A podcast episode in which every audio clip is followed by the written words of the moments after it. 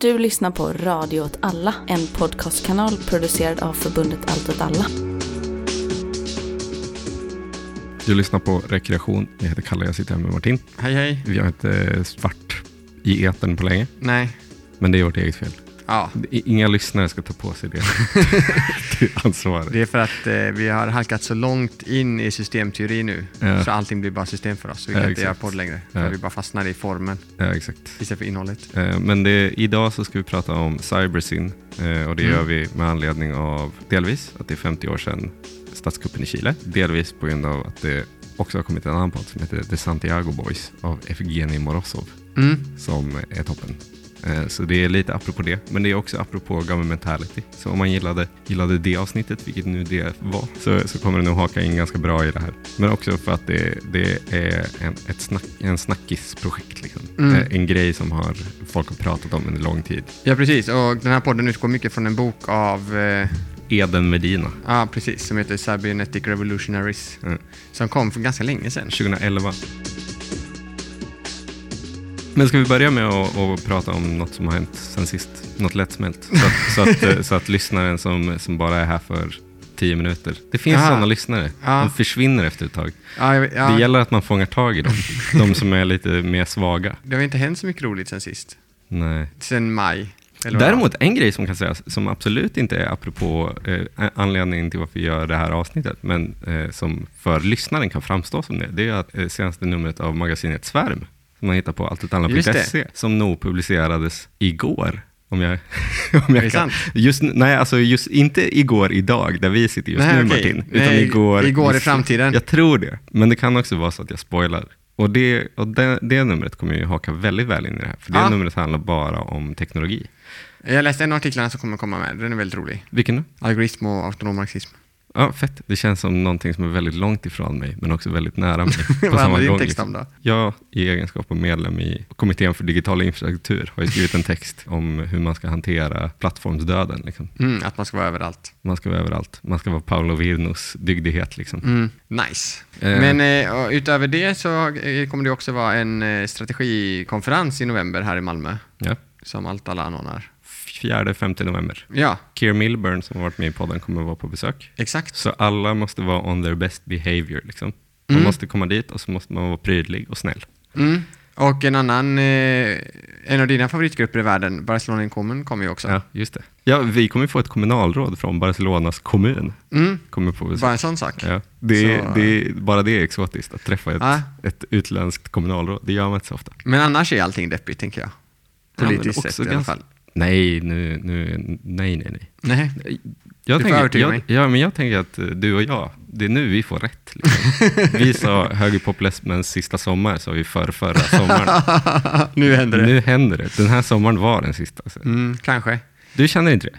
Nej, alltså det sker en sån eh, snabb, eh, dels nedmontering men också, vad ska man säga, inte liksom att det blir fascism, men eh, någon typ av så här, liksom, eh, auktoritär nyliberal liberal formation med Mm. högpopulistiska konationer. Ja. Så det är så himla mycket nu som sker så himla fort som är så himla dåligt. Ja, jo absolut. Men det som jag tycker är hoppfullt är att det känns inte som att det funkar.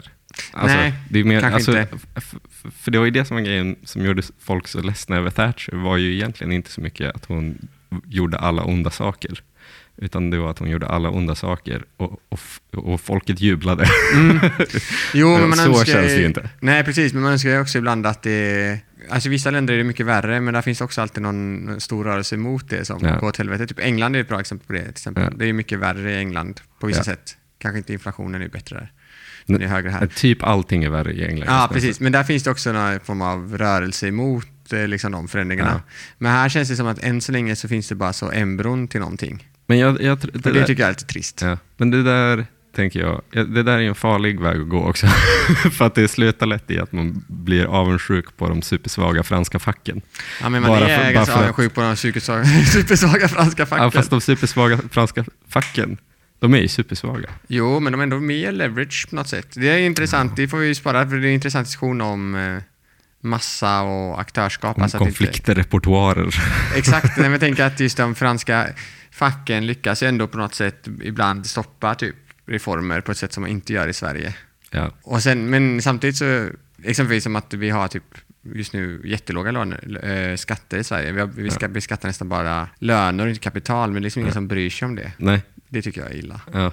men det, det, det, det är bara ett grundläge tänker jag. Ja, så, det, så är här alltid. angiverilagarna. Ja, men det vad- verkar ju inte funka. Det är det. Nej. Det verkar ju bli backlash som Ja, fan. och sen koncentrationslägren. Ja. Ja, det, är- mer? det är ju trist. Det verkar heller ingen vara så Nej, arg det, var ju, det var ju sossarna för då Ja. också. Men och sen, eh, vad är det mer? Man har tappat bort alla bollarna för att det är så många bollar Ja. eh, som skjuts. Ja. Från någon bollmaskin som Ja. ingen lyckas slå tillbaka med ett Nej. Kanske Nej. angiverilagarna då. Men, men den stora frågan tänker jag är vad som, för jag är helt inställd på att det här är en övergångsperiod. Liksom. Mm. Högerpopulismen är, är fakt nu. Liksom. Mm. Den kommer aldrig återhämta sig, den kommer aldrig kunna bilda regering igen. Liksom. Eller den, den kraften som den samlar kommer aldrig vara tillräckligt viktig igen. Eh, Men det som blir frågan då är ju, kommer resterande krafter? Exakt, det är Det liksom det, är det också som man är bävar inför. För om man ser på typ 90-talskrisen och på vissa sätt var liksom mycket värre, men vi har ju inte sett slutet på den här krisen vi är i nu. Vi, arbetslösheten har ju börjat stiga, men liksom inte på, Ja. på de nivåerna. Eh, och, sådär.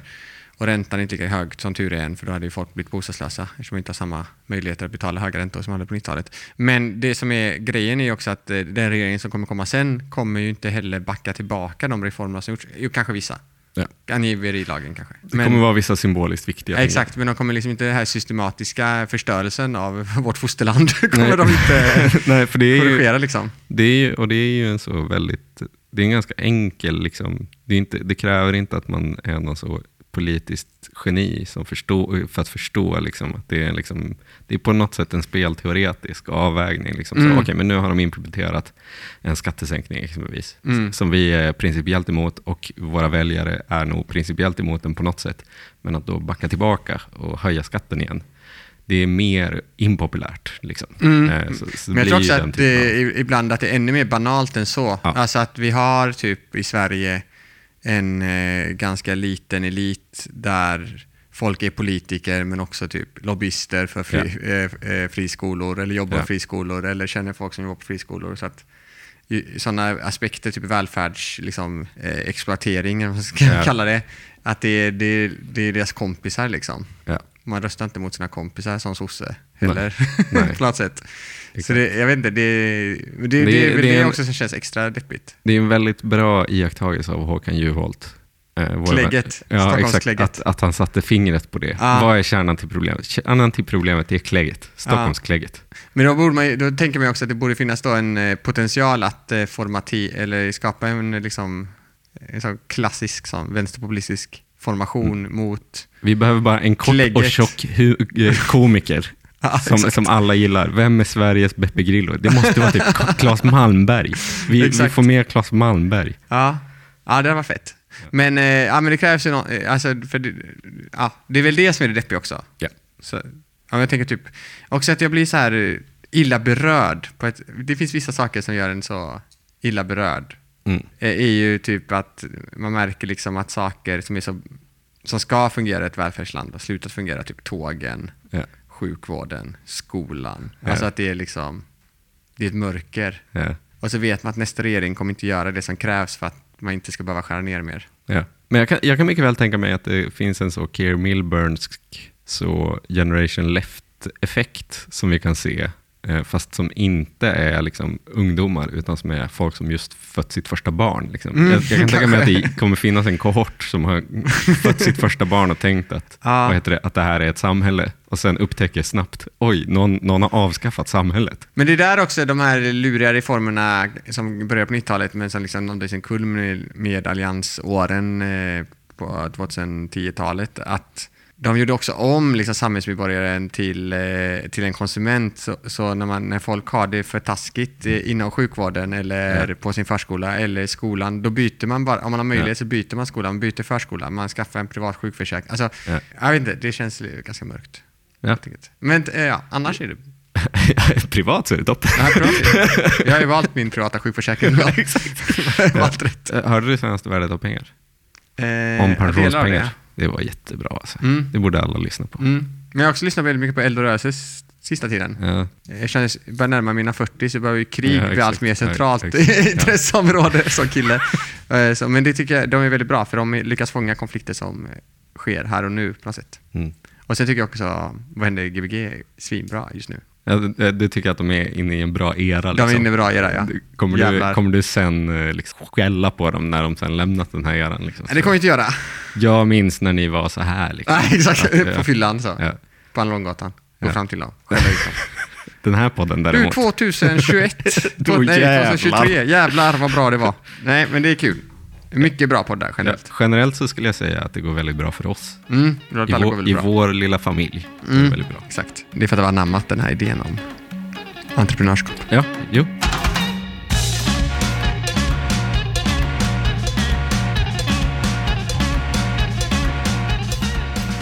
Men, men vi ska prata om Cybersyn. Ja, Eh, och det kan mycket väl vara, jag tänker att våra lyssnare är ett väldigt litet och konstigt segment i samhället.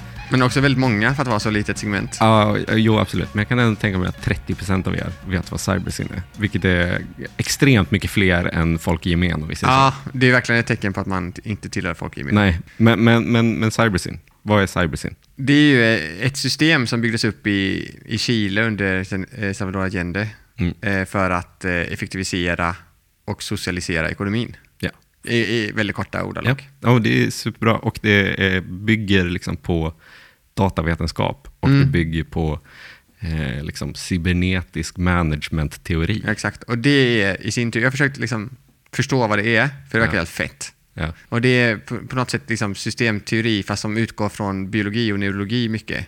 Mm. Så man försöker liksom bygga system med en inbyggd typ feedback-funktion som Ja. förbättrar systemet så att systemet blir liksom en inneboende logik. Exakt. Och att det är mycket det man tittar på. Typ, ja, men ändra, om jag vrider lite på den här ratten Mm. eh, i den här maskinen, vad händer Ja. då med de andra rattarna? Ja. Och så vrider jag lite på dem och då kommer den eh, första ratten kanske måste Ja. vridas om. Eh, och det är så det funkar. Och det, det kommer ju mycket ur operations research, Mm. som är liksom ett så militärt begrepp. Alltså det var det är folk som byggde radarsystem som var så, okej men vi behöver kunna med enkla medel kunna säga vad det är som händer på en plats långt bort. Liksom. Mm. Okej men vad är det vi ska mäta? Vi kan inte mäta allt. Liksom. Så vi Nej. måste bestämma liksom, vilka olika parametrar är det vi ska eh, tolka som att nu är det ett kärnvapen på väg. Liksom. Ja, exakt. Och det, och det blir då eh, att, att eh, definiera feedbacks. Liksom. Mm. Eh, och, och Operation Re, eh, Research går sen vidare av massa forskare som då istället börjar intressera sig för andra typer av saker att iaktta eller, eller processer att påverka. Liksom. Jag hittade inga belägg för det här, Mm. men när jag läste om det i början, den här Mm. typen av teoribildning, så tänkte jag, hmm, varför sker det just på 50 Det här började ju på 40-talet och 50-talet, varför sker det just då? Jo, men det är kalla kriget. Välfärdsstaten tänkte jag också. Alltså Ja, att det fanns en ja. så här, eh, i Fou- Foucaultianska termer så pratar man typ om biomakt, eh, Ja. att man börjar försöka styra befolkningar och sånt. Och det här passar ju väldigt bra in där, alltså insamling av massiv data för Exakt. att skapa liksom, Exakt. system, för att skapa medborgare som handlar på ett visst sätt. Exakt. Ja, ja för det, det är ju att den här typen av sätt att tänka och liksom organisationsbygge, Mm. säga, eller bygge av system för organisation, liksom, kommer ju samtidigt som liksom, den starka, starka staten. Ja, exakt. Men den starka, starka staten kommer också samtidigt som kalla kriget. Liksom. Ah. Och jättemånga av de teknologier och liksom, tekniker man använder för att göra det här kommer direkt från liksom, Mm. det militära. Liksom.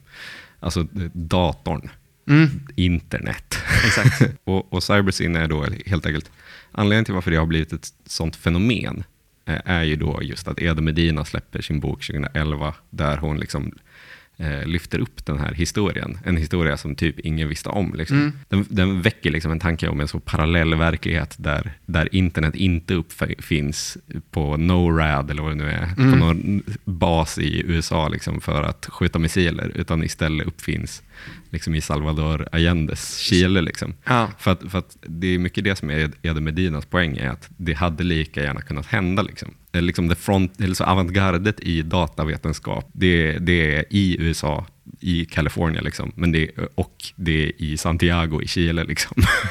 det är de där, två platser där det händer. Mm. Liksom. Och, och en av dem blir bara besegrad. Liksom. Mm. Och Chile på 70-talet då, det, ju, det, det får man väl också för, när de pratar typ om Sovjetunionen så använder de ju också, det vet man ju, trauma zone. mm. Så försökte de också datorisera. Ja, just det. För det, det det handlar om egentligen på ett sätt för Chiles del också, det är ju ett form av datoriserad planekonomi. ja, Det är ju det man som är Ja. i, slutprodukten. Och det höll man ju på med i Sovjetunionen också. Men det finns vissa liksom ändå väsentliga skillnader i de två projekten. På 60-talet i Chile så fanns det en, eh, kommer inte ihåg hans namn, men en kristdemokratisk vänster, eller inte vänsterpresident, men en president som ändå gjort ganska stora sociala reformer som ändå skapar liksom lite mer rättvisa i Chile. Men att det fanns en starka samhällskrafter som vill ha mer. Och då gick de samman i ett projekt som heter Unidad Popular, som var en, ett samlingsparti för stora delar av vänstern i Chile. Där både då Movimiento och Izquierda Revolucionario var med, som var MIR. Där flera av Det är kommunisterna. Liksom. Ja, Typ. ja, typ. Och sen de här MAPO, som vi inte kommer ihåg förkortningen på. Men det är säkert Movimiento någonting, någonting Ja. kommunista Ja, någonting. Partido någonting, kanske. Eh, men alltså, det är en ganska bred vänsterkoalition som tar makten. Då får man tänka på att det finns vid tidpunkten egentligen ett annat exempel på ett land som har valt en annan väg än eh, att gå USAs ledband och det är Kuba. Mm. Bara att det eh, kubanska maktövertagandet är något helt annat. Det är ju en eh, revolution Mm. där Castro tar makten med, eh, och hans Che Guevara och Castro och gubbarna tar makten med gevär. Liksom. Medan Salvador Allende är ju mer, vad ska man säga, han är, han är liksom en, en radikal socialdemokrat. Ja. Så i hans projekt, i det här Cybersyn, och det är väl det som är den viktiga skillnaden också mot det sovjetiska Ja. systemet, det är att han betonar att man ska ha en demokratisk eh, aspekt, alltså en borgerlig demokratisk aspekt, alltså att det ska kunna, ett system som ska kunna hantera att folk typ byts ut Ja. utifrån demokratiska val, ett system som ska kunna hantera olikheter i åsikter. Men, men, men det man kan säga om just den relationen är, är väl också att det är väl också det, det som gör att, att cybersyn, eller det som kommer att bli cybersyn, är mycket mer liksom nära besläktat med just den här typen av cybernetiska tänkande, Mm. är just för att det ska få plats massa olika parametrar. Mm. Medan det sovjetiska liksom, projektet mer handlade om likriktning. Mm. Liksom. Och, där finns, och det, det är helt ointressant för typ en sån person som Stafford Beer, som då är, blir han som blir chef för liksom, Cybersyn. Mm. Eftersom att det som han tycker är just intressant, det är just i dissonans och liksom att hitta, hitta balanser mellan saker. Liksom. Ja, och han var ju också medlem av Labour Party i, Ja. i England, så han var ju också troende socialdemokrati, som demokrat. Ja. Men, men, men generellt hela, hela Agenda-grejen, alltså om man läser den historien så tycker jag att det är så chockerande hur hårda de är på de här principerna Mm. om att så, vi ska inte omkullkasta institutionerna eh, och vi ska inte ta till vapen. Nej, Och det, jag, jag känner ju igen mig i det. Det är jag liksom. Om jag hade levt på 70-talet, då hade jag varit där. Alltså. jag hade nog dött. jag, jag, hade, jag hade varit en av dem som var så, nej, nej, nej. nej, nej, nej, kamrater.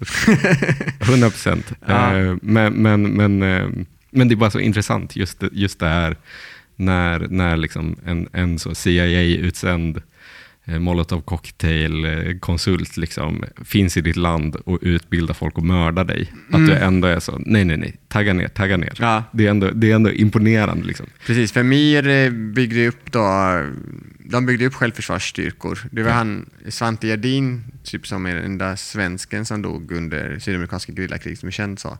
Mm. Han eh, gick ju med i Mir i Chile och sen dog han i Argentina, gick ju med i deras systerorganisation där. Eh, och han ingick i de här försvarsstyrkorna, så det Ja. byggdes också upp under Allende. Men de hade inte en chans när militären väl Nej. Och det, det, tog makten. Och det händer ju saker liksom hela tiden. Det, eh, Chile var ju heller inte först, utan Brasilien hände ju strax innan också. Mm. Liksom, så det var ju en våg. Liksom. Ja, av ja.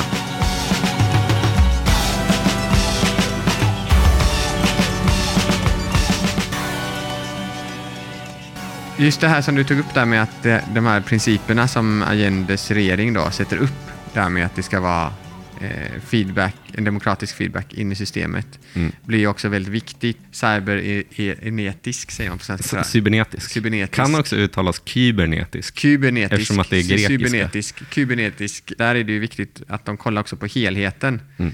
Eh, så att en sovjetisk version av det hela, typ som alla vetenskapliga ämnen i Sovjet var de väldigt duktiga på så fort det handlade om detaljnivåer när man Mm. inte såg till helheten för då var det inte det då fanns det inga politiska aspekter kvar. Nej. Medan i cybernetics, jag väljer att använda engelska, så, så är ju helheten det, det viktigaste på något sätt. Ja. Att det, man måste hela tiden ändra och blicka ut, ändra och Exakt, blicka ut. exakt. För det, det, om man då går till Stafford Beer, liksom, Mm. som blir chefen, liksom, hans, hela hans projekt eh, handlar om att skapa det han kallar homoestas i, Mm. i organisationer. Alltså ett så ekvilibrium, ett så balansläge. Liksom. Att, att man ska kunna fatta ett beslut om mål. Så målet med den här firman är att sälja möbler eller någonting. Liksom. Och sen har vi massa olika subsystem och delar som liksom på olika sätt gör sin egen grej. Någon gör bordsbenen, någon gör bordsplattan. Liksom. Mm. Eh, Men så på något sätt, så länge möbler säljs så går allting bra och då är vi i balans i organisationen. Liksom. Och sen handlar det mycket bara om att skapa just balansen mellan de olika leden. Liksom. Och framförallt att skapa, så det finns en, liksom, ett, ett horisontellt plan av liksom aktörer eller su- subsystem som utför saker. Liksom. Och sen finns det ett vertikalt plan av beslutsfattande. Mm. Liksom. Eh, För det, det var ju också en viktig dimension, för just att demokratisera det var ju ett sätt att det inte skulle bli en sån eh, DDR-apparat där man Nej. bevakar i minsta steg, så var det också att man satte upp system som skulle fungera så att de inte tog in alla parametrar. nej, exakt. Utan de flesta parametrarna, för det var framförallt fabriksproduktion man tänkte sig, att de första parametrarna skulle bara komma till fabriken i fråga. Ja, Och sen om de inte lyckas handla på de grejerna, Mm. då skulle det komma till nästa nivå. exakt. Men att det alltid fanns det här första skyddet som var de som berördes av besluten som skulle ta de första besluten. Exakt, exakt. Men, men, men så syftet är helt enkelt bara att ha en, liksom, om man föreställer sig en stor, stor samling av system och subsystem som sitter ihop, att få dem att, som alla rör på sig på Mm. olika sätt, liksom, att få dem alla att agera i balans på något sätt. Mm. Det är liksom grundtanken och sättet man gör det är just då med feedback-loopar exempelvis. Att, Mm. att man gör så att de enskilda subsystemen skickar skickar information, väsentlig information uppåt eller neråt eller liksom horisontellt eller diagonalt. Liksom. Det var kul också eftersom då när Salvador Allende tog makten i Chile så utsattes han ju direkt, eller regeringen utsattes direkt för ett handelsembargo av Ja. USA. Så den största datatillverkaren IBM vägrade ju eh, tillgodose ch- chilenska re- regimen med datorer som hade väl typ, vad var det, Ja. fyra datorer? Ja, något sånt där. Ja. Man var tvungen att använda Telex-maskinerna. Jag Ja, var tvungen att googla på vad det är. Det, Det är små, små te telefoner kan man Ja, säga. det är som telegrafer nästan. Ja, exakt. Mer avancerade telegrafer. Ja. Men, men, kopplade in på varje fabrik va? ja, exakt. Att, att på varje fabrik så skulle det finnas en person som var ansvarig för rapportering av väsentlig data. Liksom. Eh, Men, men inga av de här systemen tillämpades ju på riktigt eftersom att allt det här pågick under en så relativt kort tid för att Salvador Allende, regeringen generellt, inte fick sitta så länge. Nej, men de använde väl ett fall där och det var den här kontrarevolutionära bi- eh, lastbilsstrejken. Ja, exakt. Då lyckades de på något sätt koordinera om, utifrån de här Telex-maskinerna och datorerna, Ja. koordinera om trafiken på sånt sätt så att strejkblockaderna inte drabbade Alltså de koordinerade helt enkelt hur strejkbrytarna skulle åka utifrån Exakt. de rapporter man fick på sina Telex-maskiner. Ja, det är häftigt. Mm. Men, men med den introduktionen så tänker jag alla våra lyssnare är på equal footing nu. Nu vet, nu vet Men då måste vi säga namnet Fernando Flores så att vi inte blir så Ja. västeuropeiskt centrerade. För det var ändå Ja. han som hittade Stafford Beer. Stafford Beard och Ja. han blev också sen typ finansminister i Allendes regering. Han var typ 28 Ja, år. exakt. Det, det är en sån, en sån person som man inte ska jämföra sig själv med. Nej, nej, han verkar vara otroligt smart. Han, han gör ju också en jävla bana där han sen flyttar till Silicon Valley såklart Mm. och blir en fram, framgångsrik liksom, tech-entreprenör. Precis, men han är väldigt viktig. För det var han som liksom, en, en stor del av eh, Unidad Populars eh, program för valet var att de skulle nationalisera industrin. Exakt. Och det Salvador Allende vill göra är bara, hur, hur ska vi effektivt upprätthålla produktionsnivåerna Mm. trots att vi nationaliserar industrin? Hur ska det gå till? Och då hittar Fernando Fla, eh, Flores, var lite intresserad av Cerber Genetics och hittar då Beer. Beer. Och det, det är ju för att och det är också en grej som är speciellt med Chile och Allende. Det är ju att det måste ju ändå på något sätt vara den första liksom, regeringen där en drivande kraft eh, är liksom, högutbildade vänsterfolk. Ja. Alltså det, det enda andra exemplet som är samtida, det är typ Sverige. Mm. Alltså eh, för, för att skiktet, det samhällsskiktet av högutbildade människor fanns ju inte riktigt Nej. inom arbetarklassen innan dess. Liksom. Det är först under 60 och 70-talet som det blir en grej. Liksom. Mm. Överhuvudtaget innan dess så var alla högutbildade var ju purborgerliga. För att, Mm. ja. eh, så, och, och, och, Men det jackar väl bra in i Vietnamkrigsvågen Exakt, exakt. och liksom den proteströrelsen, att det är liksom någon form av generation 68 där som har fått Ja. regeringsmakten i ett land. Exakt. Vad gör och, vi då? och, de, och de som bygger miljonprogrammet, det är ju på många sätt samma kohort. Liksom. Mm. Fernando Flores har ju då läst Stafford Beer i förväg i, när han pluggat. Liksom. Så han är ju han är frälst. Liksom. Mm. Så han, han ringer ett samtal. Liksom. Vi, behöver, vi ska nationalisera stora delar av industrin. Liksom. Hur ska vi göra det på ett sätt som eh, liksom är sammanhållet och som gör att allting pekar åt rätt håll och att allting är i balans? Jo, Mm. jo, just det. Det här har jag läst om när jag pluggade. Så han ringer Stafford Beer. Och han är så, åh fan vad gött, du kan jag prova det här jag har teoretiserat om i praktiken. Ja, Här. exakt. Som är på andra sidan jordklotet. Ja, exakt. Också kul för att det här är alltså en farbror som har byggt system för liksom bokförlag och liksom privata industri, eller så företag. Ja. Och med syftet att göra så att företaget är mer konkurrenskraftigt gentemot andra företag. Liksom. Men så får han plötsligt möjlighet att bara omstrukturera ekonomin för en, en socialistisk stat. det, är också, det är också ett sånt eh, tillfälle man inte tackar han nej verkar också till. varit en jävla stjärna alltså. Han är ju död nu tyvärr, men eh, ja, det, det står mellan raderna till den boken att han hade så här stor whiskykonsumtion. Ja, exakt. Ja. Och, och för att lära sig mer om typ chilensk kultur så satt han och lyssnade på så Nuevo Canción, typ lite Fära, Victor Ja. Jara och sånt för att liksom insupa den chilenska folksjälen. Eh, eh, Han, han verkar ju också ha, för det är ju också liksom, folk är ju också lite hippie liksom. Ja. Så han verkar ju också, för han hade ett så borg, han, han kommer från en så purborgerlig brittisk överklass liksom. Mm. Eh, Men så när han flyttar till Chile så blir han liksom frälst eh, och, och skaffar älskarinnor och liksom sabbar sitt äktenskap. Eh, Och, och allting med det är väldigt, väldigt roligt. Ja, han verkar vara en riktig... Så, Karaktär. Och, då- och då kommer han på besök. Så okej, men hur ska vi göra? Jo, men vi, vi bygger liksom ett centralt organ i liksom det här myndigheten för de socialiserade industrierna. Mm. Eh, som, som tar emot data och som skickar ut liksom, eh, olika indikatorer och tar emot indikatorer och som ger beslutsunderlag till beslutsfattare. På liksom, dataskärmar. på dataskärmar. Fast det var projektorer tror jag. Ja, fast det, det skulle ju vara dataskärmar egentligen. Exakt. Men de hade för datorer. Exakt. Eh, Men, men, men, och det slutar mycket, i mångt och mycket i att man bygger det som kommer kallas för operations room. Som om man, om man, eh, om man har någonsin hört om Cybersyn så är det nog operations roomet man har hört om. För att det, är- det är det som har gjort att det här har blivit ett fenomen. Det är Mm. ju just att det är en estetik. Liksom. Det är retro 70-talsfuturism kombinerat med realsocialismen. Liksom. Men det är, väldigt, det är väldigt häftigt för de försökte då bygga in, eh, de tar upp det i boken, så här, lite kritik då mot liksom, projektet. Så. Eh, och en av de grejerna var ju att de byggde in mycket fördomar i rummet. Ja. Till exempel så hade de ju spakar istället för tangentbord. ja. Och det berodde dels på att man var så van vid sekreterare. så man kunde inte knappa själv. Men också då för att arbetare som hade sämre läsvana skulle kunna sitta där i operation roomet och också kunna använda det.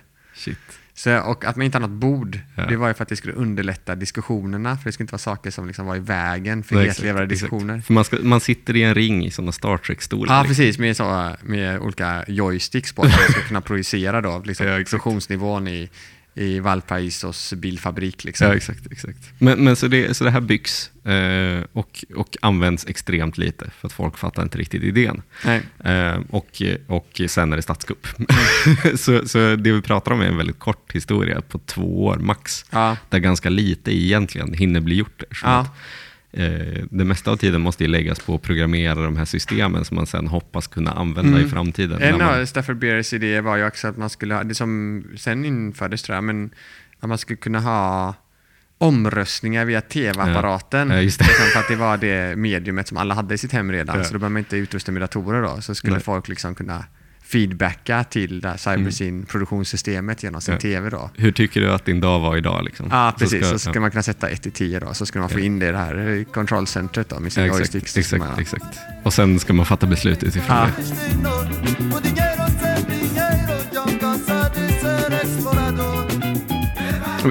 Men- jag tänker att det, det som är mest relevant för oss egentligen, mest, det är just den här governmentality-biten av det. Liksom. Mm. För, att, för att vi har pratat om det, det här nyliberala go- governmentalityn uppkommer ju un, ungefär samtidigt. Just det här, eh, eh, ett, ett sätt att reglera, sätt att vara på. Liksom.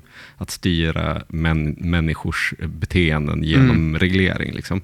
Eh, och, då, och då återkommer vi ju till just Chile, Pinochets Chile, liksom, Exakt. som experimentverkstan där det här görs. Liksom. Mm. Eh, Och då tänker jag att den här historien, en, en stor anledning till varför den här historien har fått uh, lever kvar och är liksom en ständig referens för många, är nog just att de två, att det är direkt in på varandra. Liksom. Mm. Att, att man kan se liksom fröet till eh, en liksom helt diametralt motsatt governmentality liksom, som, som sås precis innan liksom, Mm. och huggs vid fotknölarna. Liksom.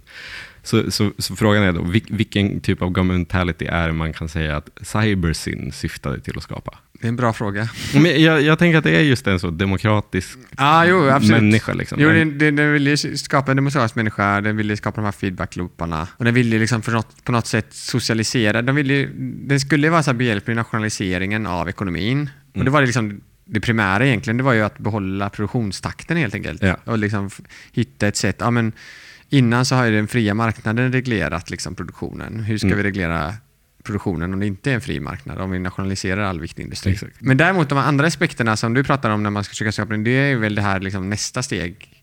När man just pratar om det här med tv-apparaterna och Ja, deltagandet och sånt. Men, men också fabriksarbetaren. Liksom. Ja, precis. fa- fabriksarbetaren som är medveten i ett transparent system. Mm. Att, den, att den, det den gör på fabriksgolvet spelar roll eller skapar dessa indikatorer. Exakt. Och, liksom, och, och förstå varför arbetstakten ökar eller minskar. Liksom, Mm. och, och då förstå liksom, möjligheterna att förändra det. Mm.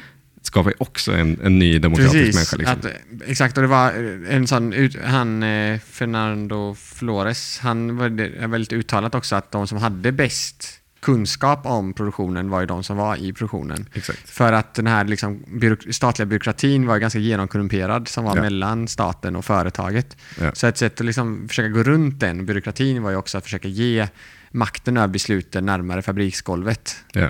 Eh, Så det var ju ett ganska intressant sätt att hantera den typen av problematiker också som uppstår i ett samhälle där- det är mycket pengar som forsar. Och, och ett samhälle med historia. Liksom. Ja. Alltså, det, det finns ett gammalt garde som måste tas i beaktning på något sätt. Hur Mm. kringgår vi dem? Liksom? Exakt. Det är väldigt spännande. Men, men för att återgå till nationalisering. Det, det, ett av de stora problemen med nationalisering eh, och ett, ett av de starkaste casen just för fria marknader är ju just att det finns inbyggda feedback-loopar. Liksom. Alltså att, Mm. att du, eh, den fria marknaden är, har liksom ett helt inbyggda osynliga indikationssystem. Att när, när, den, när du låter en marknad styra någonting så slipper du tänka på många saker, för de sakerna sköter på många sätt sig själva. Och Mm. Sen är det såklart inte sant, för det finns inga riktiga marknader. Liksom. Alla marknader är konstruerade och de är Mm. konstruerade av någon i något syfte. Liksom. Men, men, men i någon utsträckning så slipper du tänka på en massa saker. Däremot när du då eh, istället har en helt eh, styrd ekonomi, liksom, då måste du skapa egna liksom, sätt att eller mäta vad som behövs och vad som inte behövs, hur, hur saker kan göras bättre. Liksom. Mm. Eh, och då blir ju den här typen av system väldigt viktiga. Liksom. Precis. Men för det är väl det som är en governmentality from the right. Ja. alltså en nyliberal governmentalitet. Då är det ju att feedback-looparna är ju mer att staten liksom ser till så att det som inom citationstecken kan kallas den fria marknaden fungerar felfritt. Om man Exakt. ser på Chile, det, det eh, regimen där gjorde när de fick makten, det var ju att slå ner på liksom fackföreningsrörelsen, slå ner på Mm. vänsteroppositionen och på det sättet liksom öka möjligheterna för företagen att göra vinst obehindrat. Mm. Man ska ju om konstitutionen så äganderätten var mer central. Man Mm. började sälja ut statliga företag och gav dem till den här marknaden. Då. Mm. Så det var ju så man gjorde liksom för att skapa den här högerpersonen. Ja, exakt. så det är någon form av så här kaosets agent, Ja. eh, agent liksom, mot, mot eh, där, där den andra cybersen-grejen är mycket mer så uttänkt bana för Ja, en slutprodukt. En, Medan ett mål och en liksom, den vision. nyliberala mentaliteten är ju mer bara, det är ett ordnat kaos liksom på något sätt. Mm, där exakt. statens roll är mer att bara ta bort skyddsvallarna för det här kaoset. Att, att, att, att äta. Liksom. att äta upp.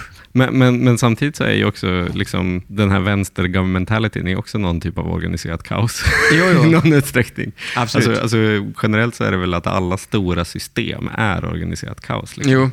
Eh, och det är väl det också som är så spännande med det, är ju just att de eh, försöker lansera det här samtidigt som hela landet går på knäna. Liksom. Mm. Så handelsblockad och liksom, eh, hemliga agenter skickas över gränserna för att liksom spränga saker. Eh, andra hemliga agenter liksom mobiliserar högerfack till att, till att göra saker. Liksom. Och, och i den situationen, att ändå försöka lansera den här typen av Ja. grejer. Det passar ju också perfekt in just i den här heroiska martyrbilden av Salvador Allende. Ja. Att, han- att, han bara, att han hade så mycket tro. Liksom. Mm. Och, och att det var det han straffades för liksom, på något sätt. Ja. Men Man, man, kan, ja, man kan också vara så att man kan vara lite elak mot sådana här projekt. Eh, att, att just att det misslyckades är anledningen till att man kommer ihåg det också på något sätt. Jo, jo men så är det ju absolut. Eh, ja, ingen kommer ju ihåg den här eh, sovjetiska planekonomiprojektet, alltså där de också hade datorer. Och Det var ju för att det misslyckades ju inte, utan det, var ju, det fick ju bara leva kvar. Liksom. Ja. Men det, alltså det var ju ett misslyckande från start. men men jag, det är ju ett rosa skimmer runt hela cybersyn, liksom, just på grund av att det slogs ner. Liksom.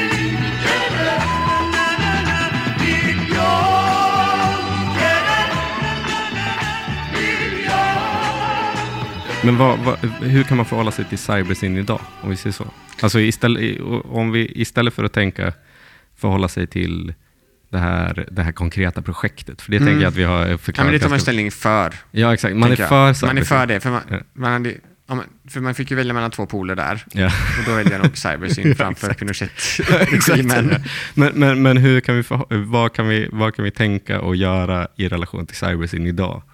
Hur kan vi liksom förhålla oss till vad det, vad det projektet syftade till? För jag tänkte ju spontant på den här Socialist Republic of Walmart exempelvis. Mm. Det är ju en bok som handlar om eh, Walmart-franchisen. Att det är en socialistisk republik Ja, i alltså, någon bemärkelse. Exakt, att det är en socialistisk republik inom en, ett kapitalistiskt land. Liksom. I sin organisationsstruktur, absolut inte på något annat sätt, utan bara så. Att det är liksom en ganska komplex och stor organisation med feedback-loopar åt olika håll. Mm, Liksom. och där det inte är en fri marknad heller, men det är en gigantisk ekonomi. Exakt. Utan det är liksom beslut som tas centralt kring Exakt. produktionen. Att Och- man slussar runt saker. Liksom. Ja. Det är en planerad ekonomi internt. Liksom. Ja, Men, och, och, och den boken har ju många poänger just om fördelen med, med liksom modern datateknologi. Liksom. Mm. Eh, och det, det, när jag har läst och lyssnat på om cybersyn genom åren så, har ju, så är det också en grej som folk pratar om. Att så, eh, tänk om det här hade gjorts med liksom, en mobiltelefon.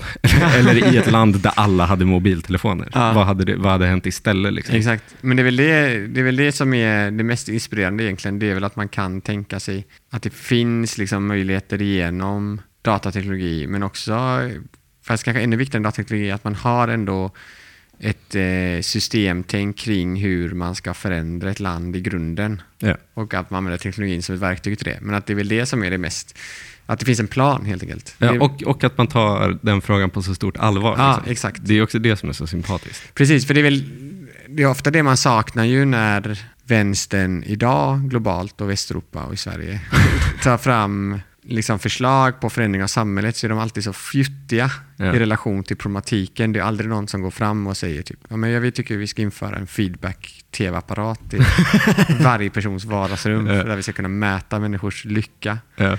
Eh, utan istället så är det så, ja men nu ska vi öka, höja bostadsbidraget. Med 500 kronor. Men det är ju just för att man är så hårt reglerad av en nyliberal governmentality. tänker jag. Jo, säkert. Men man saknar ändå att eh, kunna hitta någon sån som Staff... Eh, En, en, god, en god brittisk överklassgubbe. Ja, precis. Som som kan liksom, eh, på något sätt ge lite en injektion kring hur man kan tänka systemmässigt kring att förändra samhället. I- Ja, exakt. exakt. För om man jämför typ med den svenska ingenjörskonsten så var ju den, som det som var liksom välfärdsbygget, den var ju högst osympatisk till 90 procent Ja. i dess utformning. Liksom. Det var ju mycket rasbiologi och Ja. ordning och reda och pengar på fredag och så. Man byggde lägenheter som skulle liksom maximera produktionen, maximera den sociala reproduktionen och så vidare. Ja. Eh, medans det här, Cybersyn, var ju på något sätt ett försök att eh, skapa ett mer demokratiskt samhälle. Mm. Istället för att bara tillgodose liksom, folks materiella behov var det ett sätt att försöka få folk att delta i produktionen. Ja. Att ändra varat liksom, i Ja, samhället. exakt. Och det är väl också en viktig distinktionsskillnad. Ja. Så jag hade ju röstat på ett parti som sa att vi ska införa en telex, telex-maskin i varje hem. Telexnätverk. Ja, Eh, Men, men en annan grej med det som jag tycker är så fantastiskt är just att det bara överhuvudtaget har är liksom lite framåtsyftande och lite drömmande. Liksom. Mm. Bara det tycker jag känns så exotiskt. idag, Alltså. att överhuvudtaget vara så, vi, vi kan ja ta över, verkligen. ta över industrin men vi, och vi kan förändra den i grunden. Liksom. Mm. Att det inte bara är vi kan höja lite löner och så vidare. Liksom. Eh, Men, men, men sen just den här grejen som jag pratat om många gånger nu, att, att det händer samtidigt som, liksom, eh, eller strax, precis innan Pinochet. Liksom. Mm. Det, jag tänker att det också, för i mitt huvud så har jag, när jag läst om det här så har jag mycket funderat kring så, vad, hur hade världen sett ut liksom? om, om aldrig Pinochet hade tagit över. Hade, hur hade vår relation till teknologi sett ut om, om internet uppfanns av Fernando Flores Mm. istället för av någon så eh, icke namngiven amerikansk missilingenjör? Liksom. Mm. Vad, vad, vad hade hänt då? Hur hade vår relation till teknologi sett ut och datorer? Liksom? Hade vi ens haft mobiltelefoner? Liksom? Mm. För att det, det är väl det som är, om man ska hitta, leta efter någonting som är definierande för vad, hur vi människor använder teknologier i vår vardag idag, så är det ju att det bara är ett tagande. Liksom. Alltså att det, att det är 100% att man konsumerar saker. Liksom. Mm. Det, är, det är egentligen, och sen folk som jobbar med kontorsjobb använder det ju i sitt kontorsjobb. Liksom. Mm. Men, men i, i liksom den här mest basala nivån så är det liksom en konsumtion av underhållning typ. Och, Mm. och till viss del kommunikation med andra människor. Liksom. Eh, men men, men, men medan Cybersyn by- byggde upp system som mer handlade om liksom, eh, mottagare och sänd, att bryta upp mottagare och sändare relationer. Mm. Liksom. Och det tycker jag är, det, det är väldigt fascinerande, eller det är kul att tänka vad, vad, hur en mobiltelefon 2023 hade sett ut. Om Men- den istället var chilensk. Liksom. Det, men det, jag tycker det är lite krokar an till den artikeln du ska släppa på igår. Nej, Ja, troligen det är igår. framåt. Eller igår. Jag tror ja. det är igår. Ja, igår. Eh, det är just att, att liksom de här applikationerna och plattformarna då, så applikationer är ofta bara skal för en plattform, men skitsamma. Mm. Eh, att de är liksom, också de här nya som ska vara ett annorlunda, typ Mastodon, Blue. Sky och sånt där. De har liksom samma logik inbyggda i sig. Så Ja. de här andra Exakt. applikationerna, alltså det är samma så här neurologiska belöningar som, eh, som man får och det är samma relation Mm. mellan skapare och mottagare. Exakt. Visst, alla kan vara skapare, men så är det ju inte. Det är kanske, på det sättet kanske också Cybersyn projektet är viktigt just för att förstå liksom hur viktigt, liksom, hur system på något sätt, inte bara typ kapitalismen, Mm. eh, TM, utan att alla system i organisationer, i, i liksom appar, i Ja. sådär, skapar också vårt handlingsutrymme och vårt man, Exakt. manöverutrymme och att det skapar en viss typ av subjektivitet på de plattformarna. Exakt. Och det, så oavsett liksom hur, nu kommer kanske Josef döda mig, men oavsett, oavsett hur eh, eh, radikalt och nytänkande en, en app är, så länge den försöker på något sätt vara i närheten av de stora Mm. plattformsapparna, Mm. så kommer den generera samma subjektivitet. Exakt. Ja, för, det, för det, är det, det är det som är fascinerande med den här alla borde gå över till Mastodon Mm. idén som folk, Mastodon-entusiaster har. Liksom. Ja. Om man då ska förklara Mastodon, det är ett federerat Twitter. Mm. Alltså det är en Twitter-klon. Men du kan ha den på flera olika servrar samtidigt. Mm. That's it. Ja. Eh, eh, och jag, jag har ju väldigt svårt för Mastodon. Eh, och just på grund av att det bara är en Twitter-klon. Liksom. Att, Mm. att det liksom, man siktar liksom inte högre. Utan man är så, vi ska bygga, vi ska bygga ett, ett alternativ form av sociala medium. Men den ska bara vara alternativ för folk som är intresserade av liksom servern. av, liksom, av liksom hur den sköts. Och för vanliga jävla användare så spelar det ingen som helst roll. Nej. Liksom. Vanliga användare vill ha liksom, Även en om plats att vara. ägandet kanske spelar roll Ja, också. det är klart det spelar, alltså, det är klart det spelar roll. men det är inte avgörande så. Nej, exakt. kommer inte förändra samhället liksom. Nej, men, men däremot så är det ju, det, det finns ju en enorm potential i liksom det läget vi befinner oss i nu, rent teknologiskt, Mm. med så, där gamla sanningar om vad, vad ett socialt medium är, känns som att det är uppe i luften 100%. Liksom. Ja. Folk börjar med, och det hakar in i vårt förra avsnitt, om det här med att folk eh, sluter sig mer till små slutna rum och sen eh, släpper in folk genom medgivande snarare än genom att ha öppna forum. Liksom. Att det är en trend. Liksom. Ja. Det är ju, det, det möj, den situationen möjliggör ju för folk att bygga nya system och nya sätt att liksom, kommunicera och vara på i, på, på internet. Mm. Och då tänker jag att cybersyn är också 100% rätt i tiden. Liksom. Ja, men då är frågan, man bör ju tänka då direkt på hur, hur skapar man liksom ett, ett system för social interaktion där man bryter ner barriären mellan mottagare och sändare? Det är ju en jävla svår fråga. Det, Ja. För det är också det som är problemet med, med, med frågeställningen. Är ju att, för jag, jag har ju många gånger blivit så imponerad över San, eh, Chicago-skolan, liksom, the Chicago Boys. Mm. Att, att de så, shit, med ganska små medel så lyckades de liksom fundamentalt omvandla hur det är att vara människa i världen. Liksom. Mm. Men, eh, och, och, sen, och då hela vårt så left government mentality case liksom, som vi kör om och om igen. Liksom. Det, det kan vi också göra. Vi kan också skapa nya sätt att vara på och nya regleringar som styr folks beteenden liksom, Mm. på, på nya premisser. Kruxet med det är ju i mångt och mycket att deras projekt är mycket lättare. Liksom. Ja. För den, den människa de skapar, det är en ensam, eh, rädd människa. Liksom. Mm. Det är ganska lätt att uppnå. Liksom. Det Ja. kräver inte, s- det, absolut, det är svårt att göra det på global skala och på, liksom, utan, eh, utan en massiv konspiration. Liksom. För Mm. det finns det ju inte, utan det är ju liksom riktiga människor som gör det här. Liksom.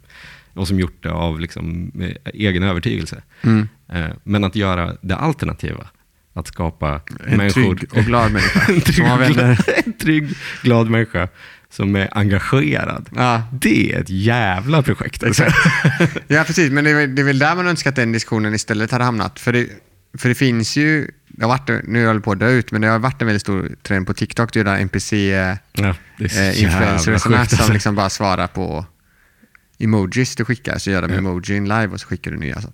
Och det är ett exempel på feedback-cirkel liksom, i Ja. dess mest sjukaste form. Liksom. Ja. Ja. Och så får de pengar och sådär för att Ja. göra vissa. Men och, och då vill man ju på något sätt att diskussionen istället för att handla om liksom vilken, vilken ägarstruktur har den här servern eller hur kan man koppla ihop olika servrar.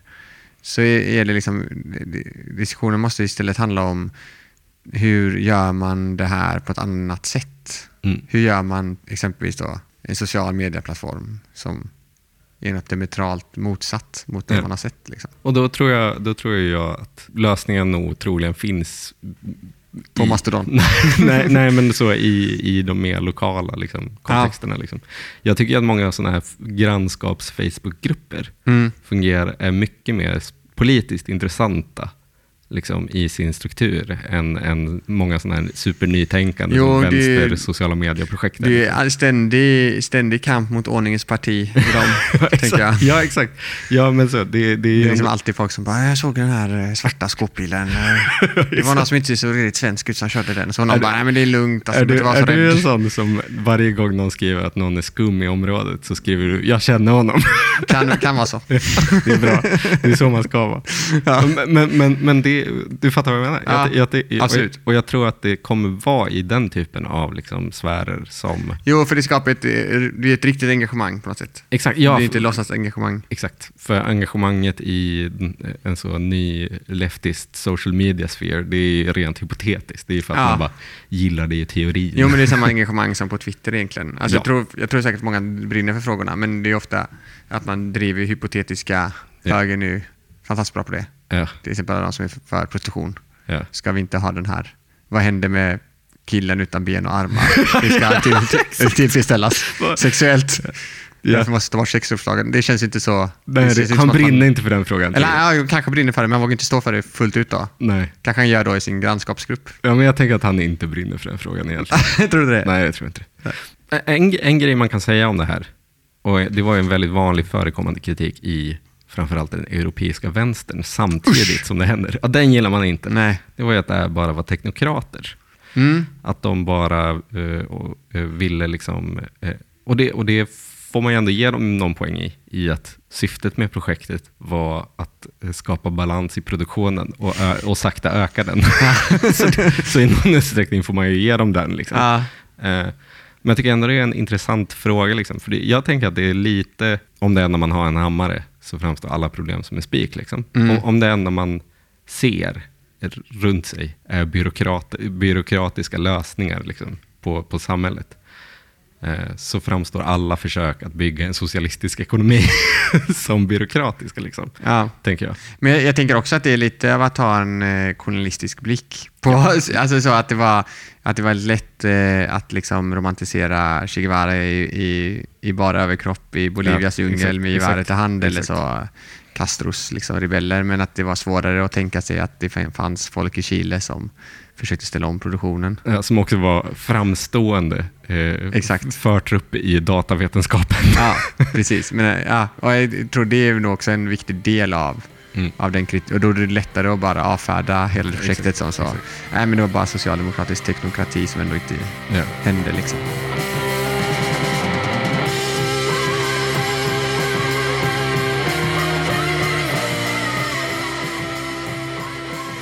Men, men eh, vi borde ju verkligen ha Johan Pris med i den här podden. Mm, men han ska ju komma. Är det nästa avsnitt? Ska vi säga Kanske. det? Kan- Kanske nästa. kanske. För han kan ju prata om alla de sätt som svenska socialdemokratin under the heydays 60-70 inte var byråkrati. Mm. Men sen också alla sätt som det var eh, teknokrati. Liksom. Och han är ju också cybersyn frälst som Mm. få. Liksom. Eh, jag, jag skulle ändå vilja rekommendera våra lyssnare att eh, gå in i er poddspelare, slå på eh, The Santiago Boys av Evgeni Morozov. Mm. Ni kan också generellt följa Evgeni Morozov, för han tycker jag är en gör väldigt bra toppenkille. Liksom. Eh, och sen eh, kan ni köpa boken Cybernetic Revolutionaries av Man kan också Medin. använda internet och hitta den. Ja. Vad hade cybersyn varit om det hände under piratkopiering?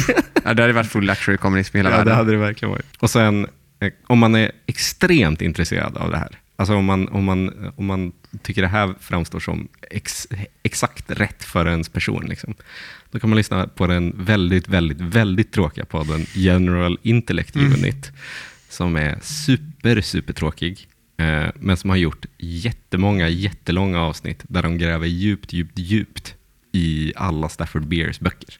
Och de pratar om cybersyn i vartannat avsnitt. Liksom. Och de är väldigt intresserade av just det här kommunistisk eh, liksom, cybernetik, Mm. kan man säga. Ja, men det är jättebra tips. Och jag, jag tänker att jag gav Jag dem... jag kan också säga att alla de här poddarna funkar jättebra att somna till. Exakt, det är bra. Ja. Det är därför man lyssnar liksom. Ja. ja, men det, det kan jag tänka. Ja, jag tror jag också somnat i General Eh. Santiago Boys också. eh, Det tog lång tid när jag kom igenom Ja, Santiago Boys Ja. avsnitten. men den är verkligen... Ja. Vi ska inte bara recensera Santiago Boys nu. Men den är väldigt Nej, bra. Den är jättebra. Hörs om Ett tag. två till tre veckor. Håller tummarna. Ha det bra. Hej.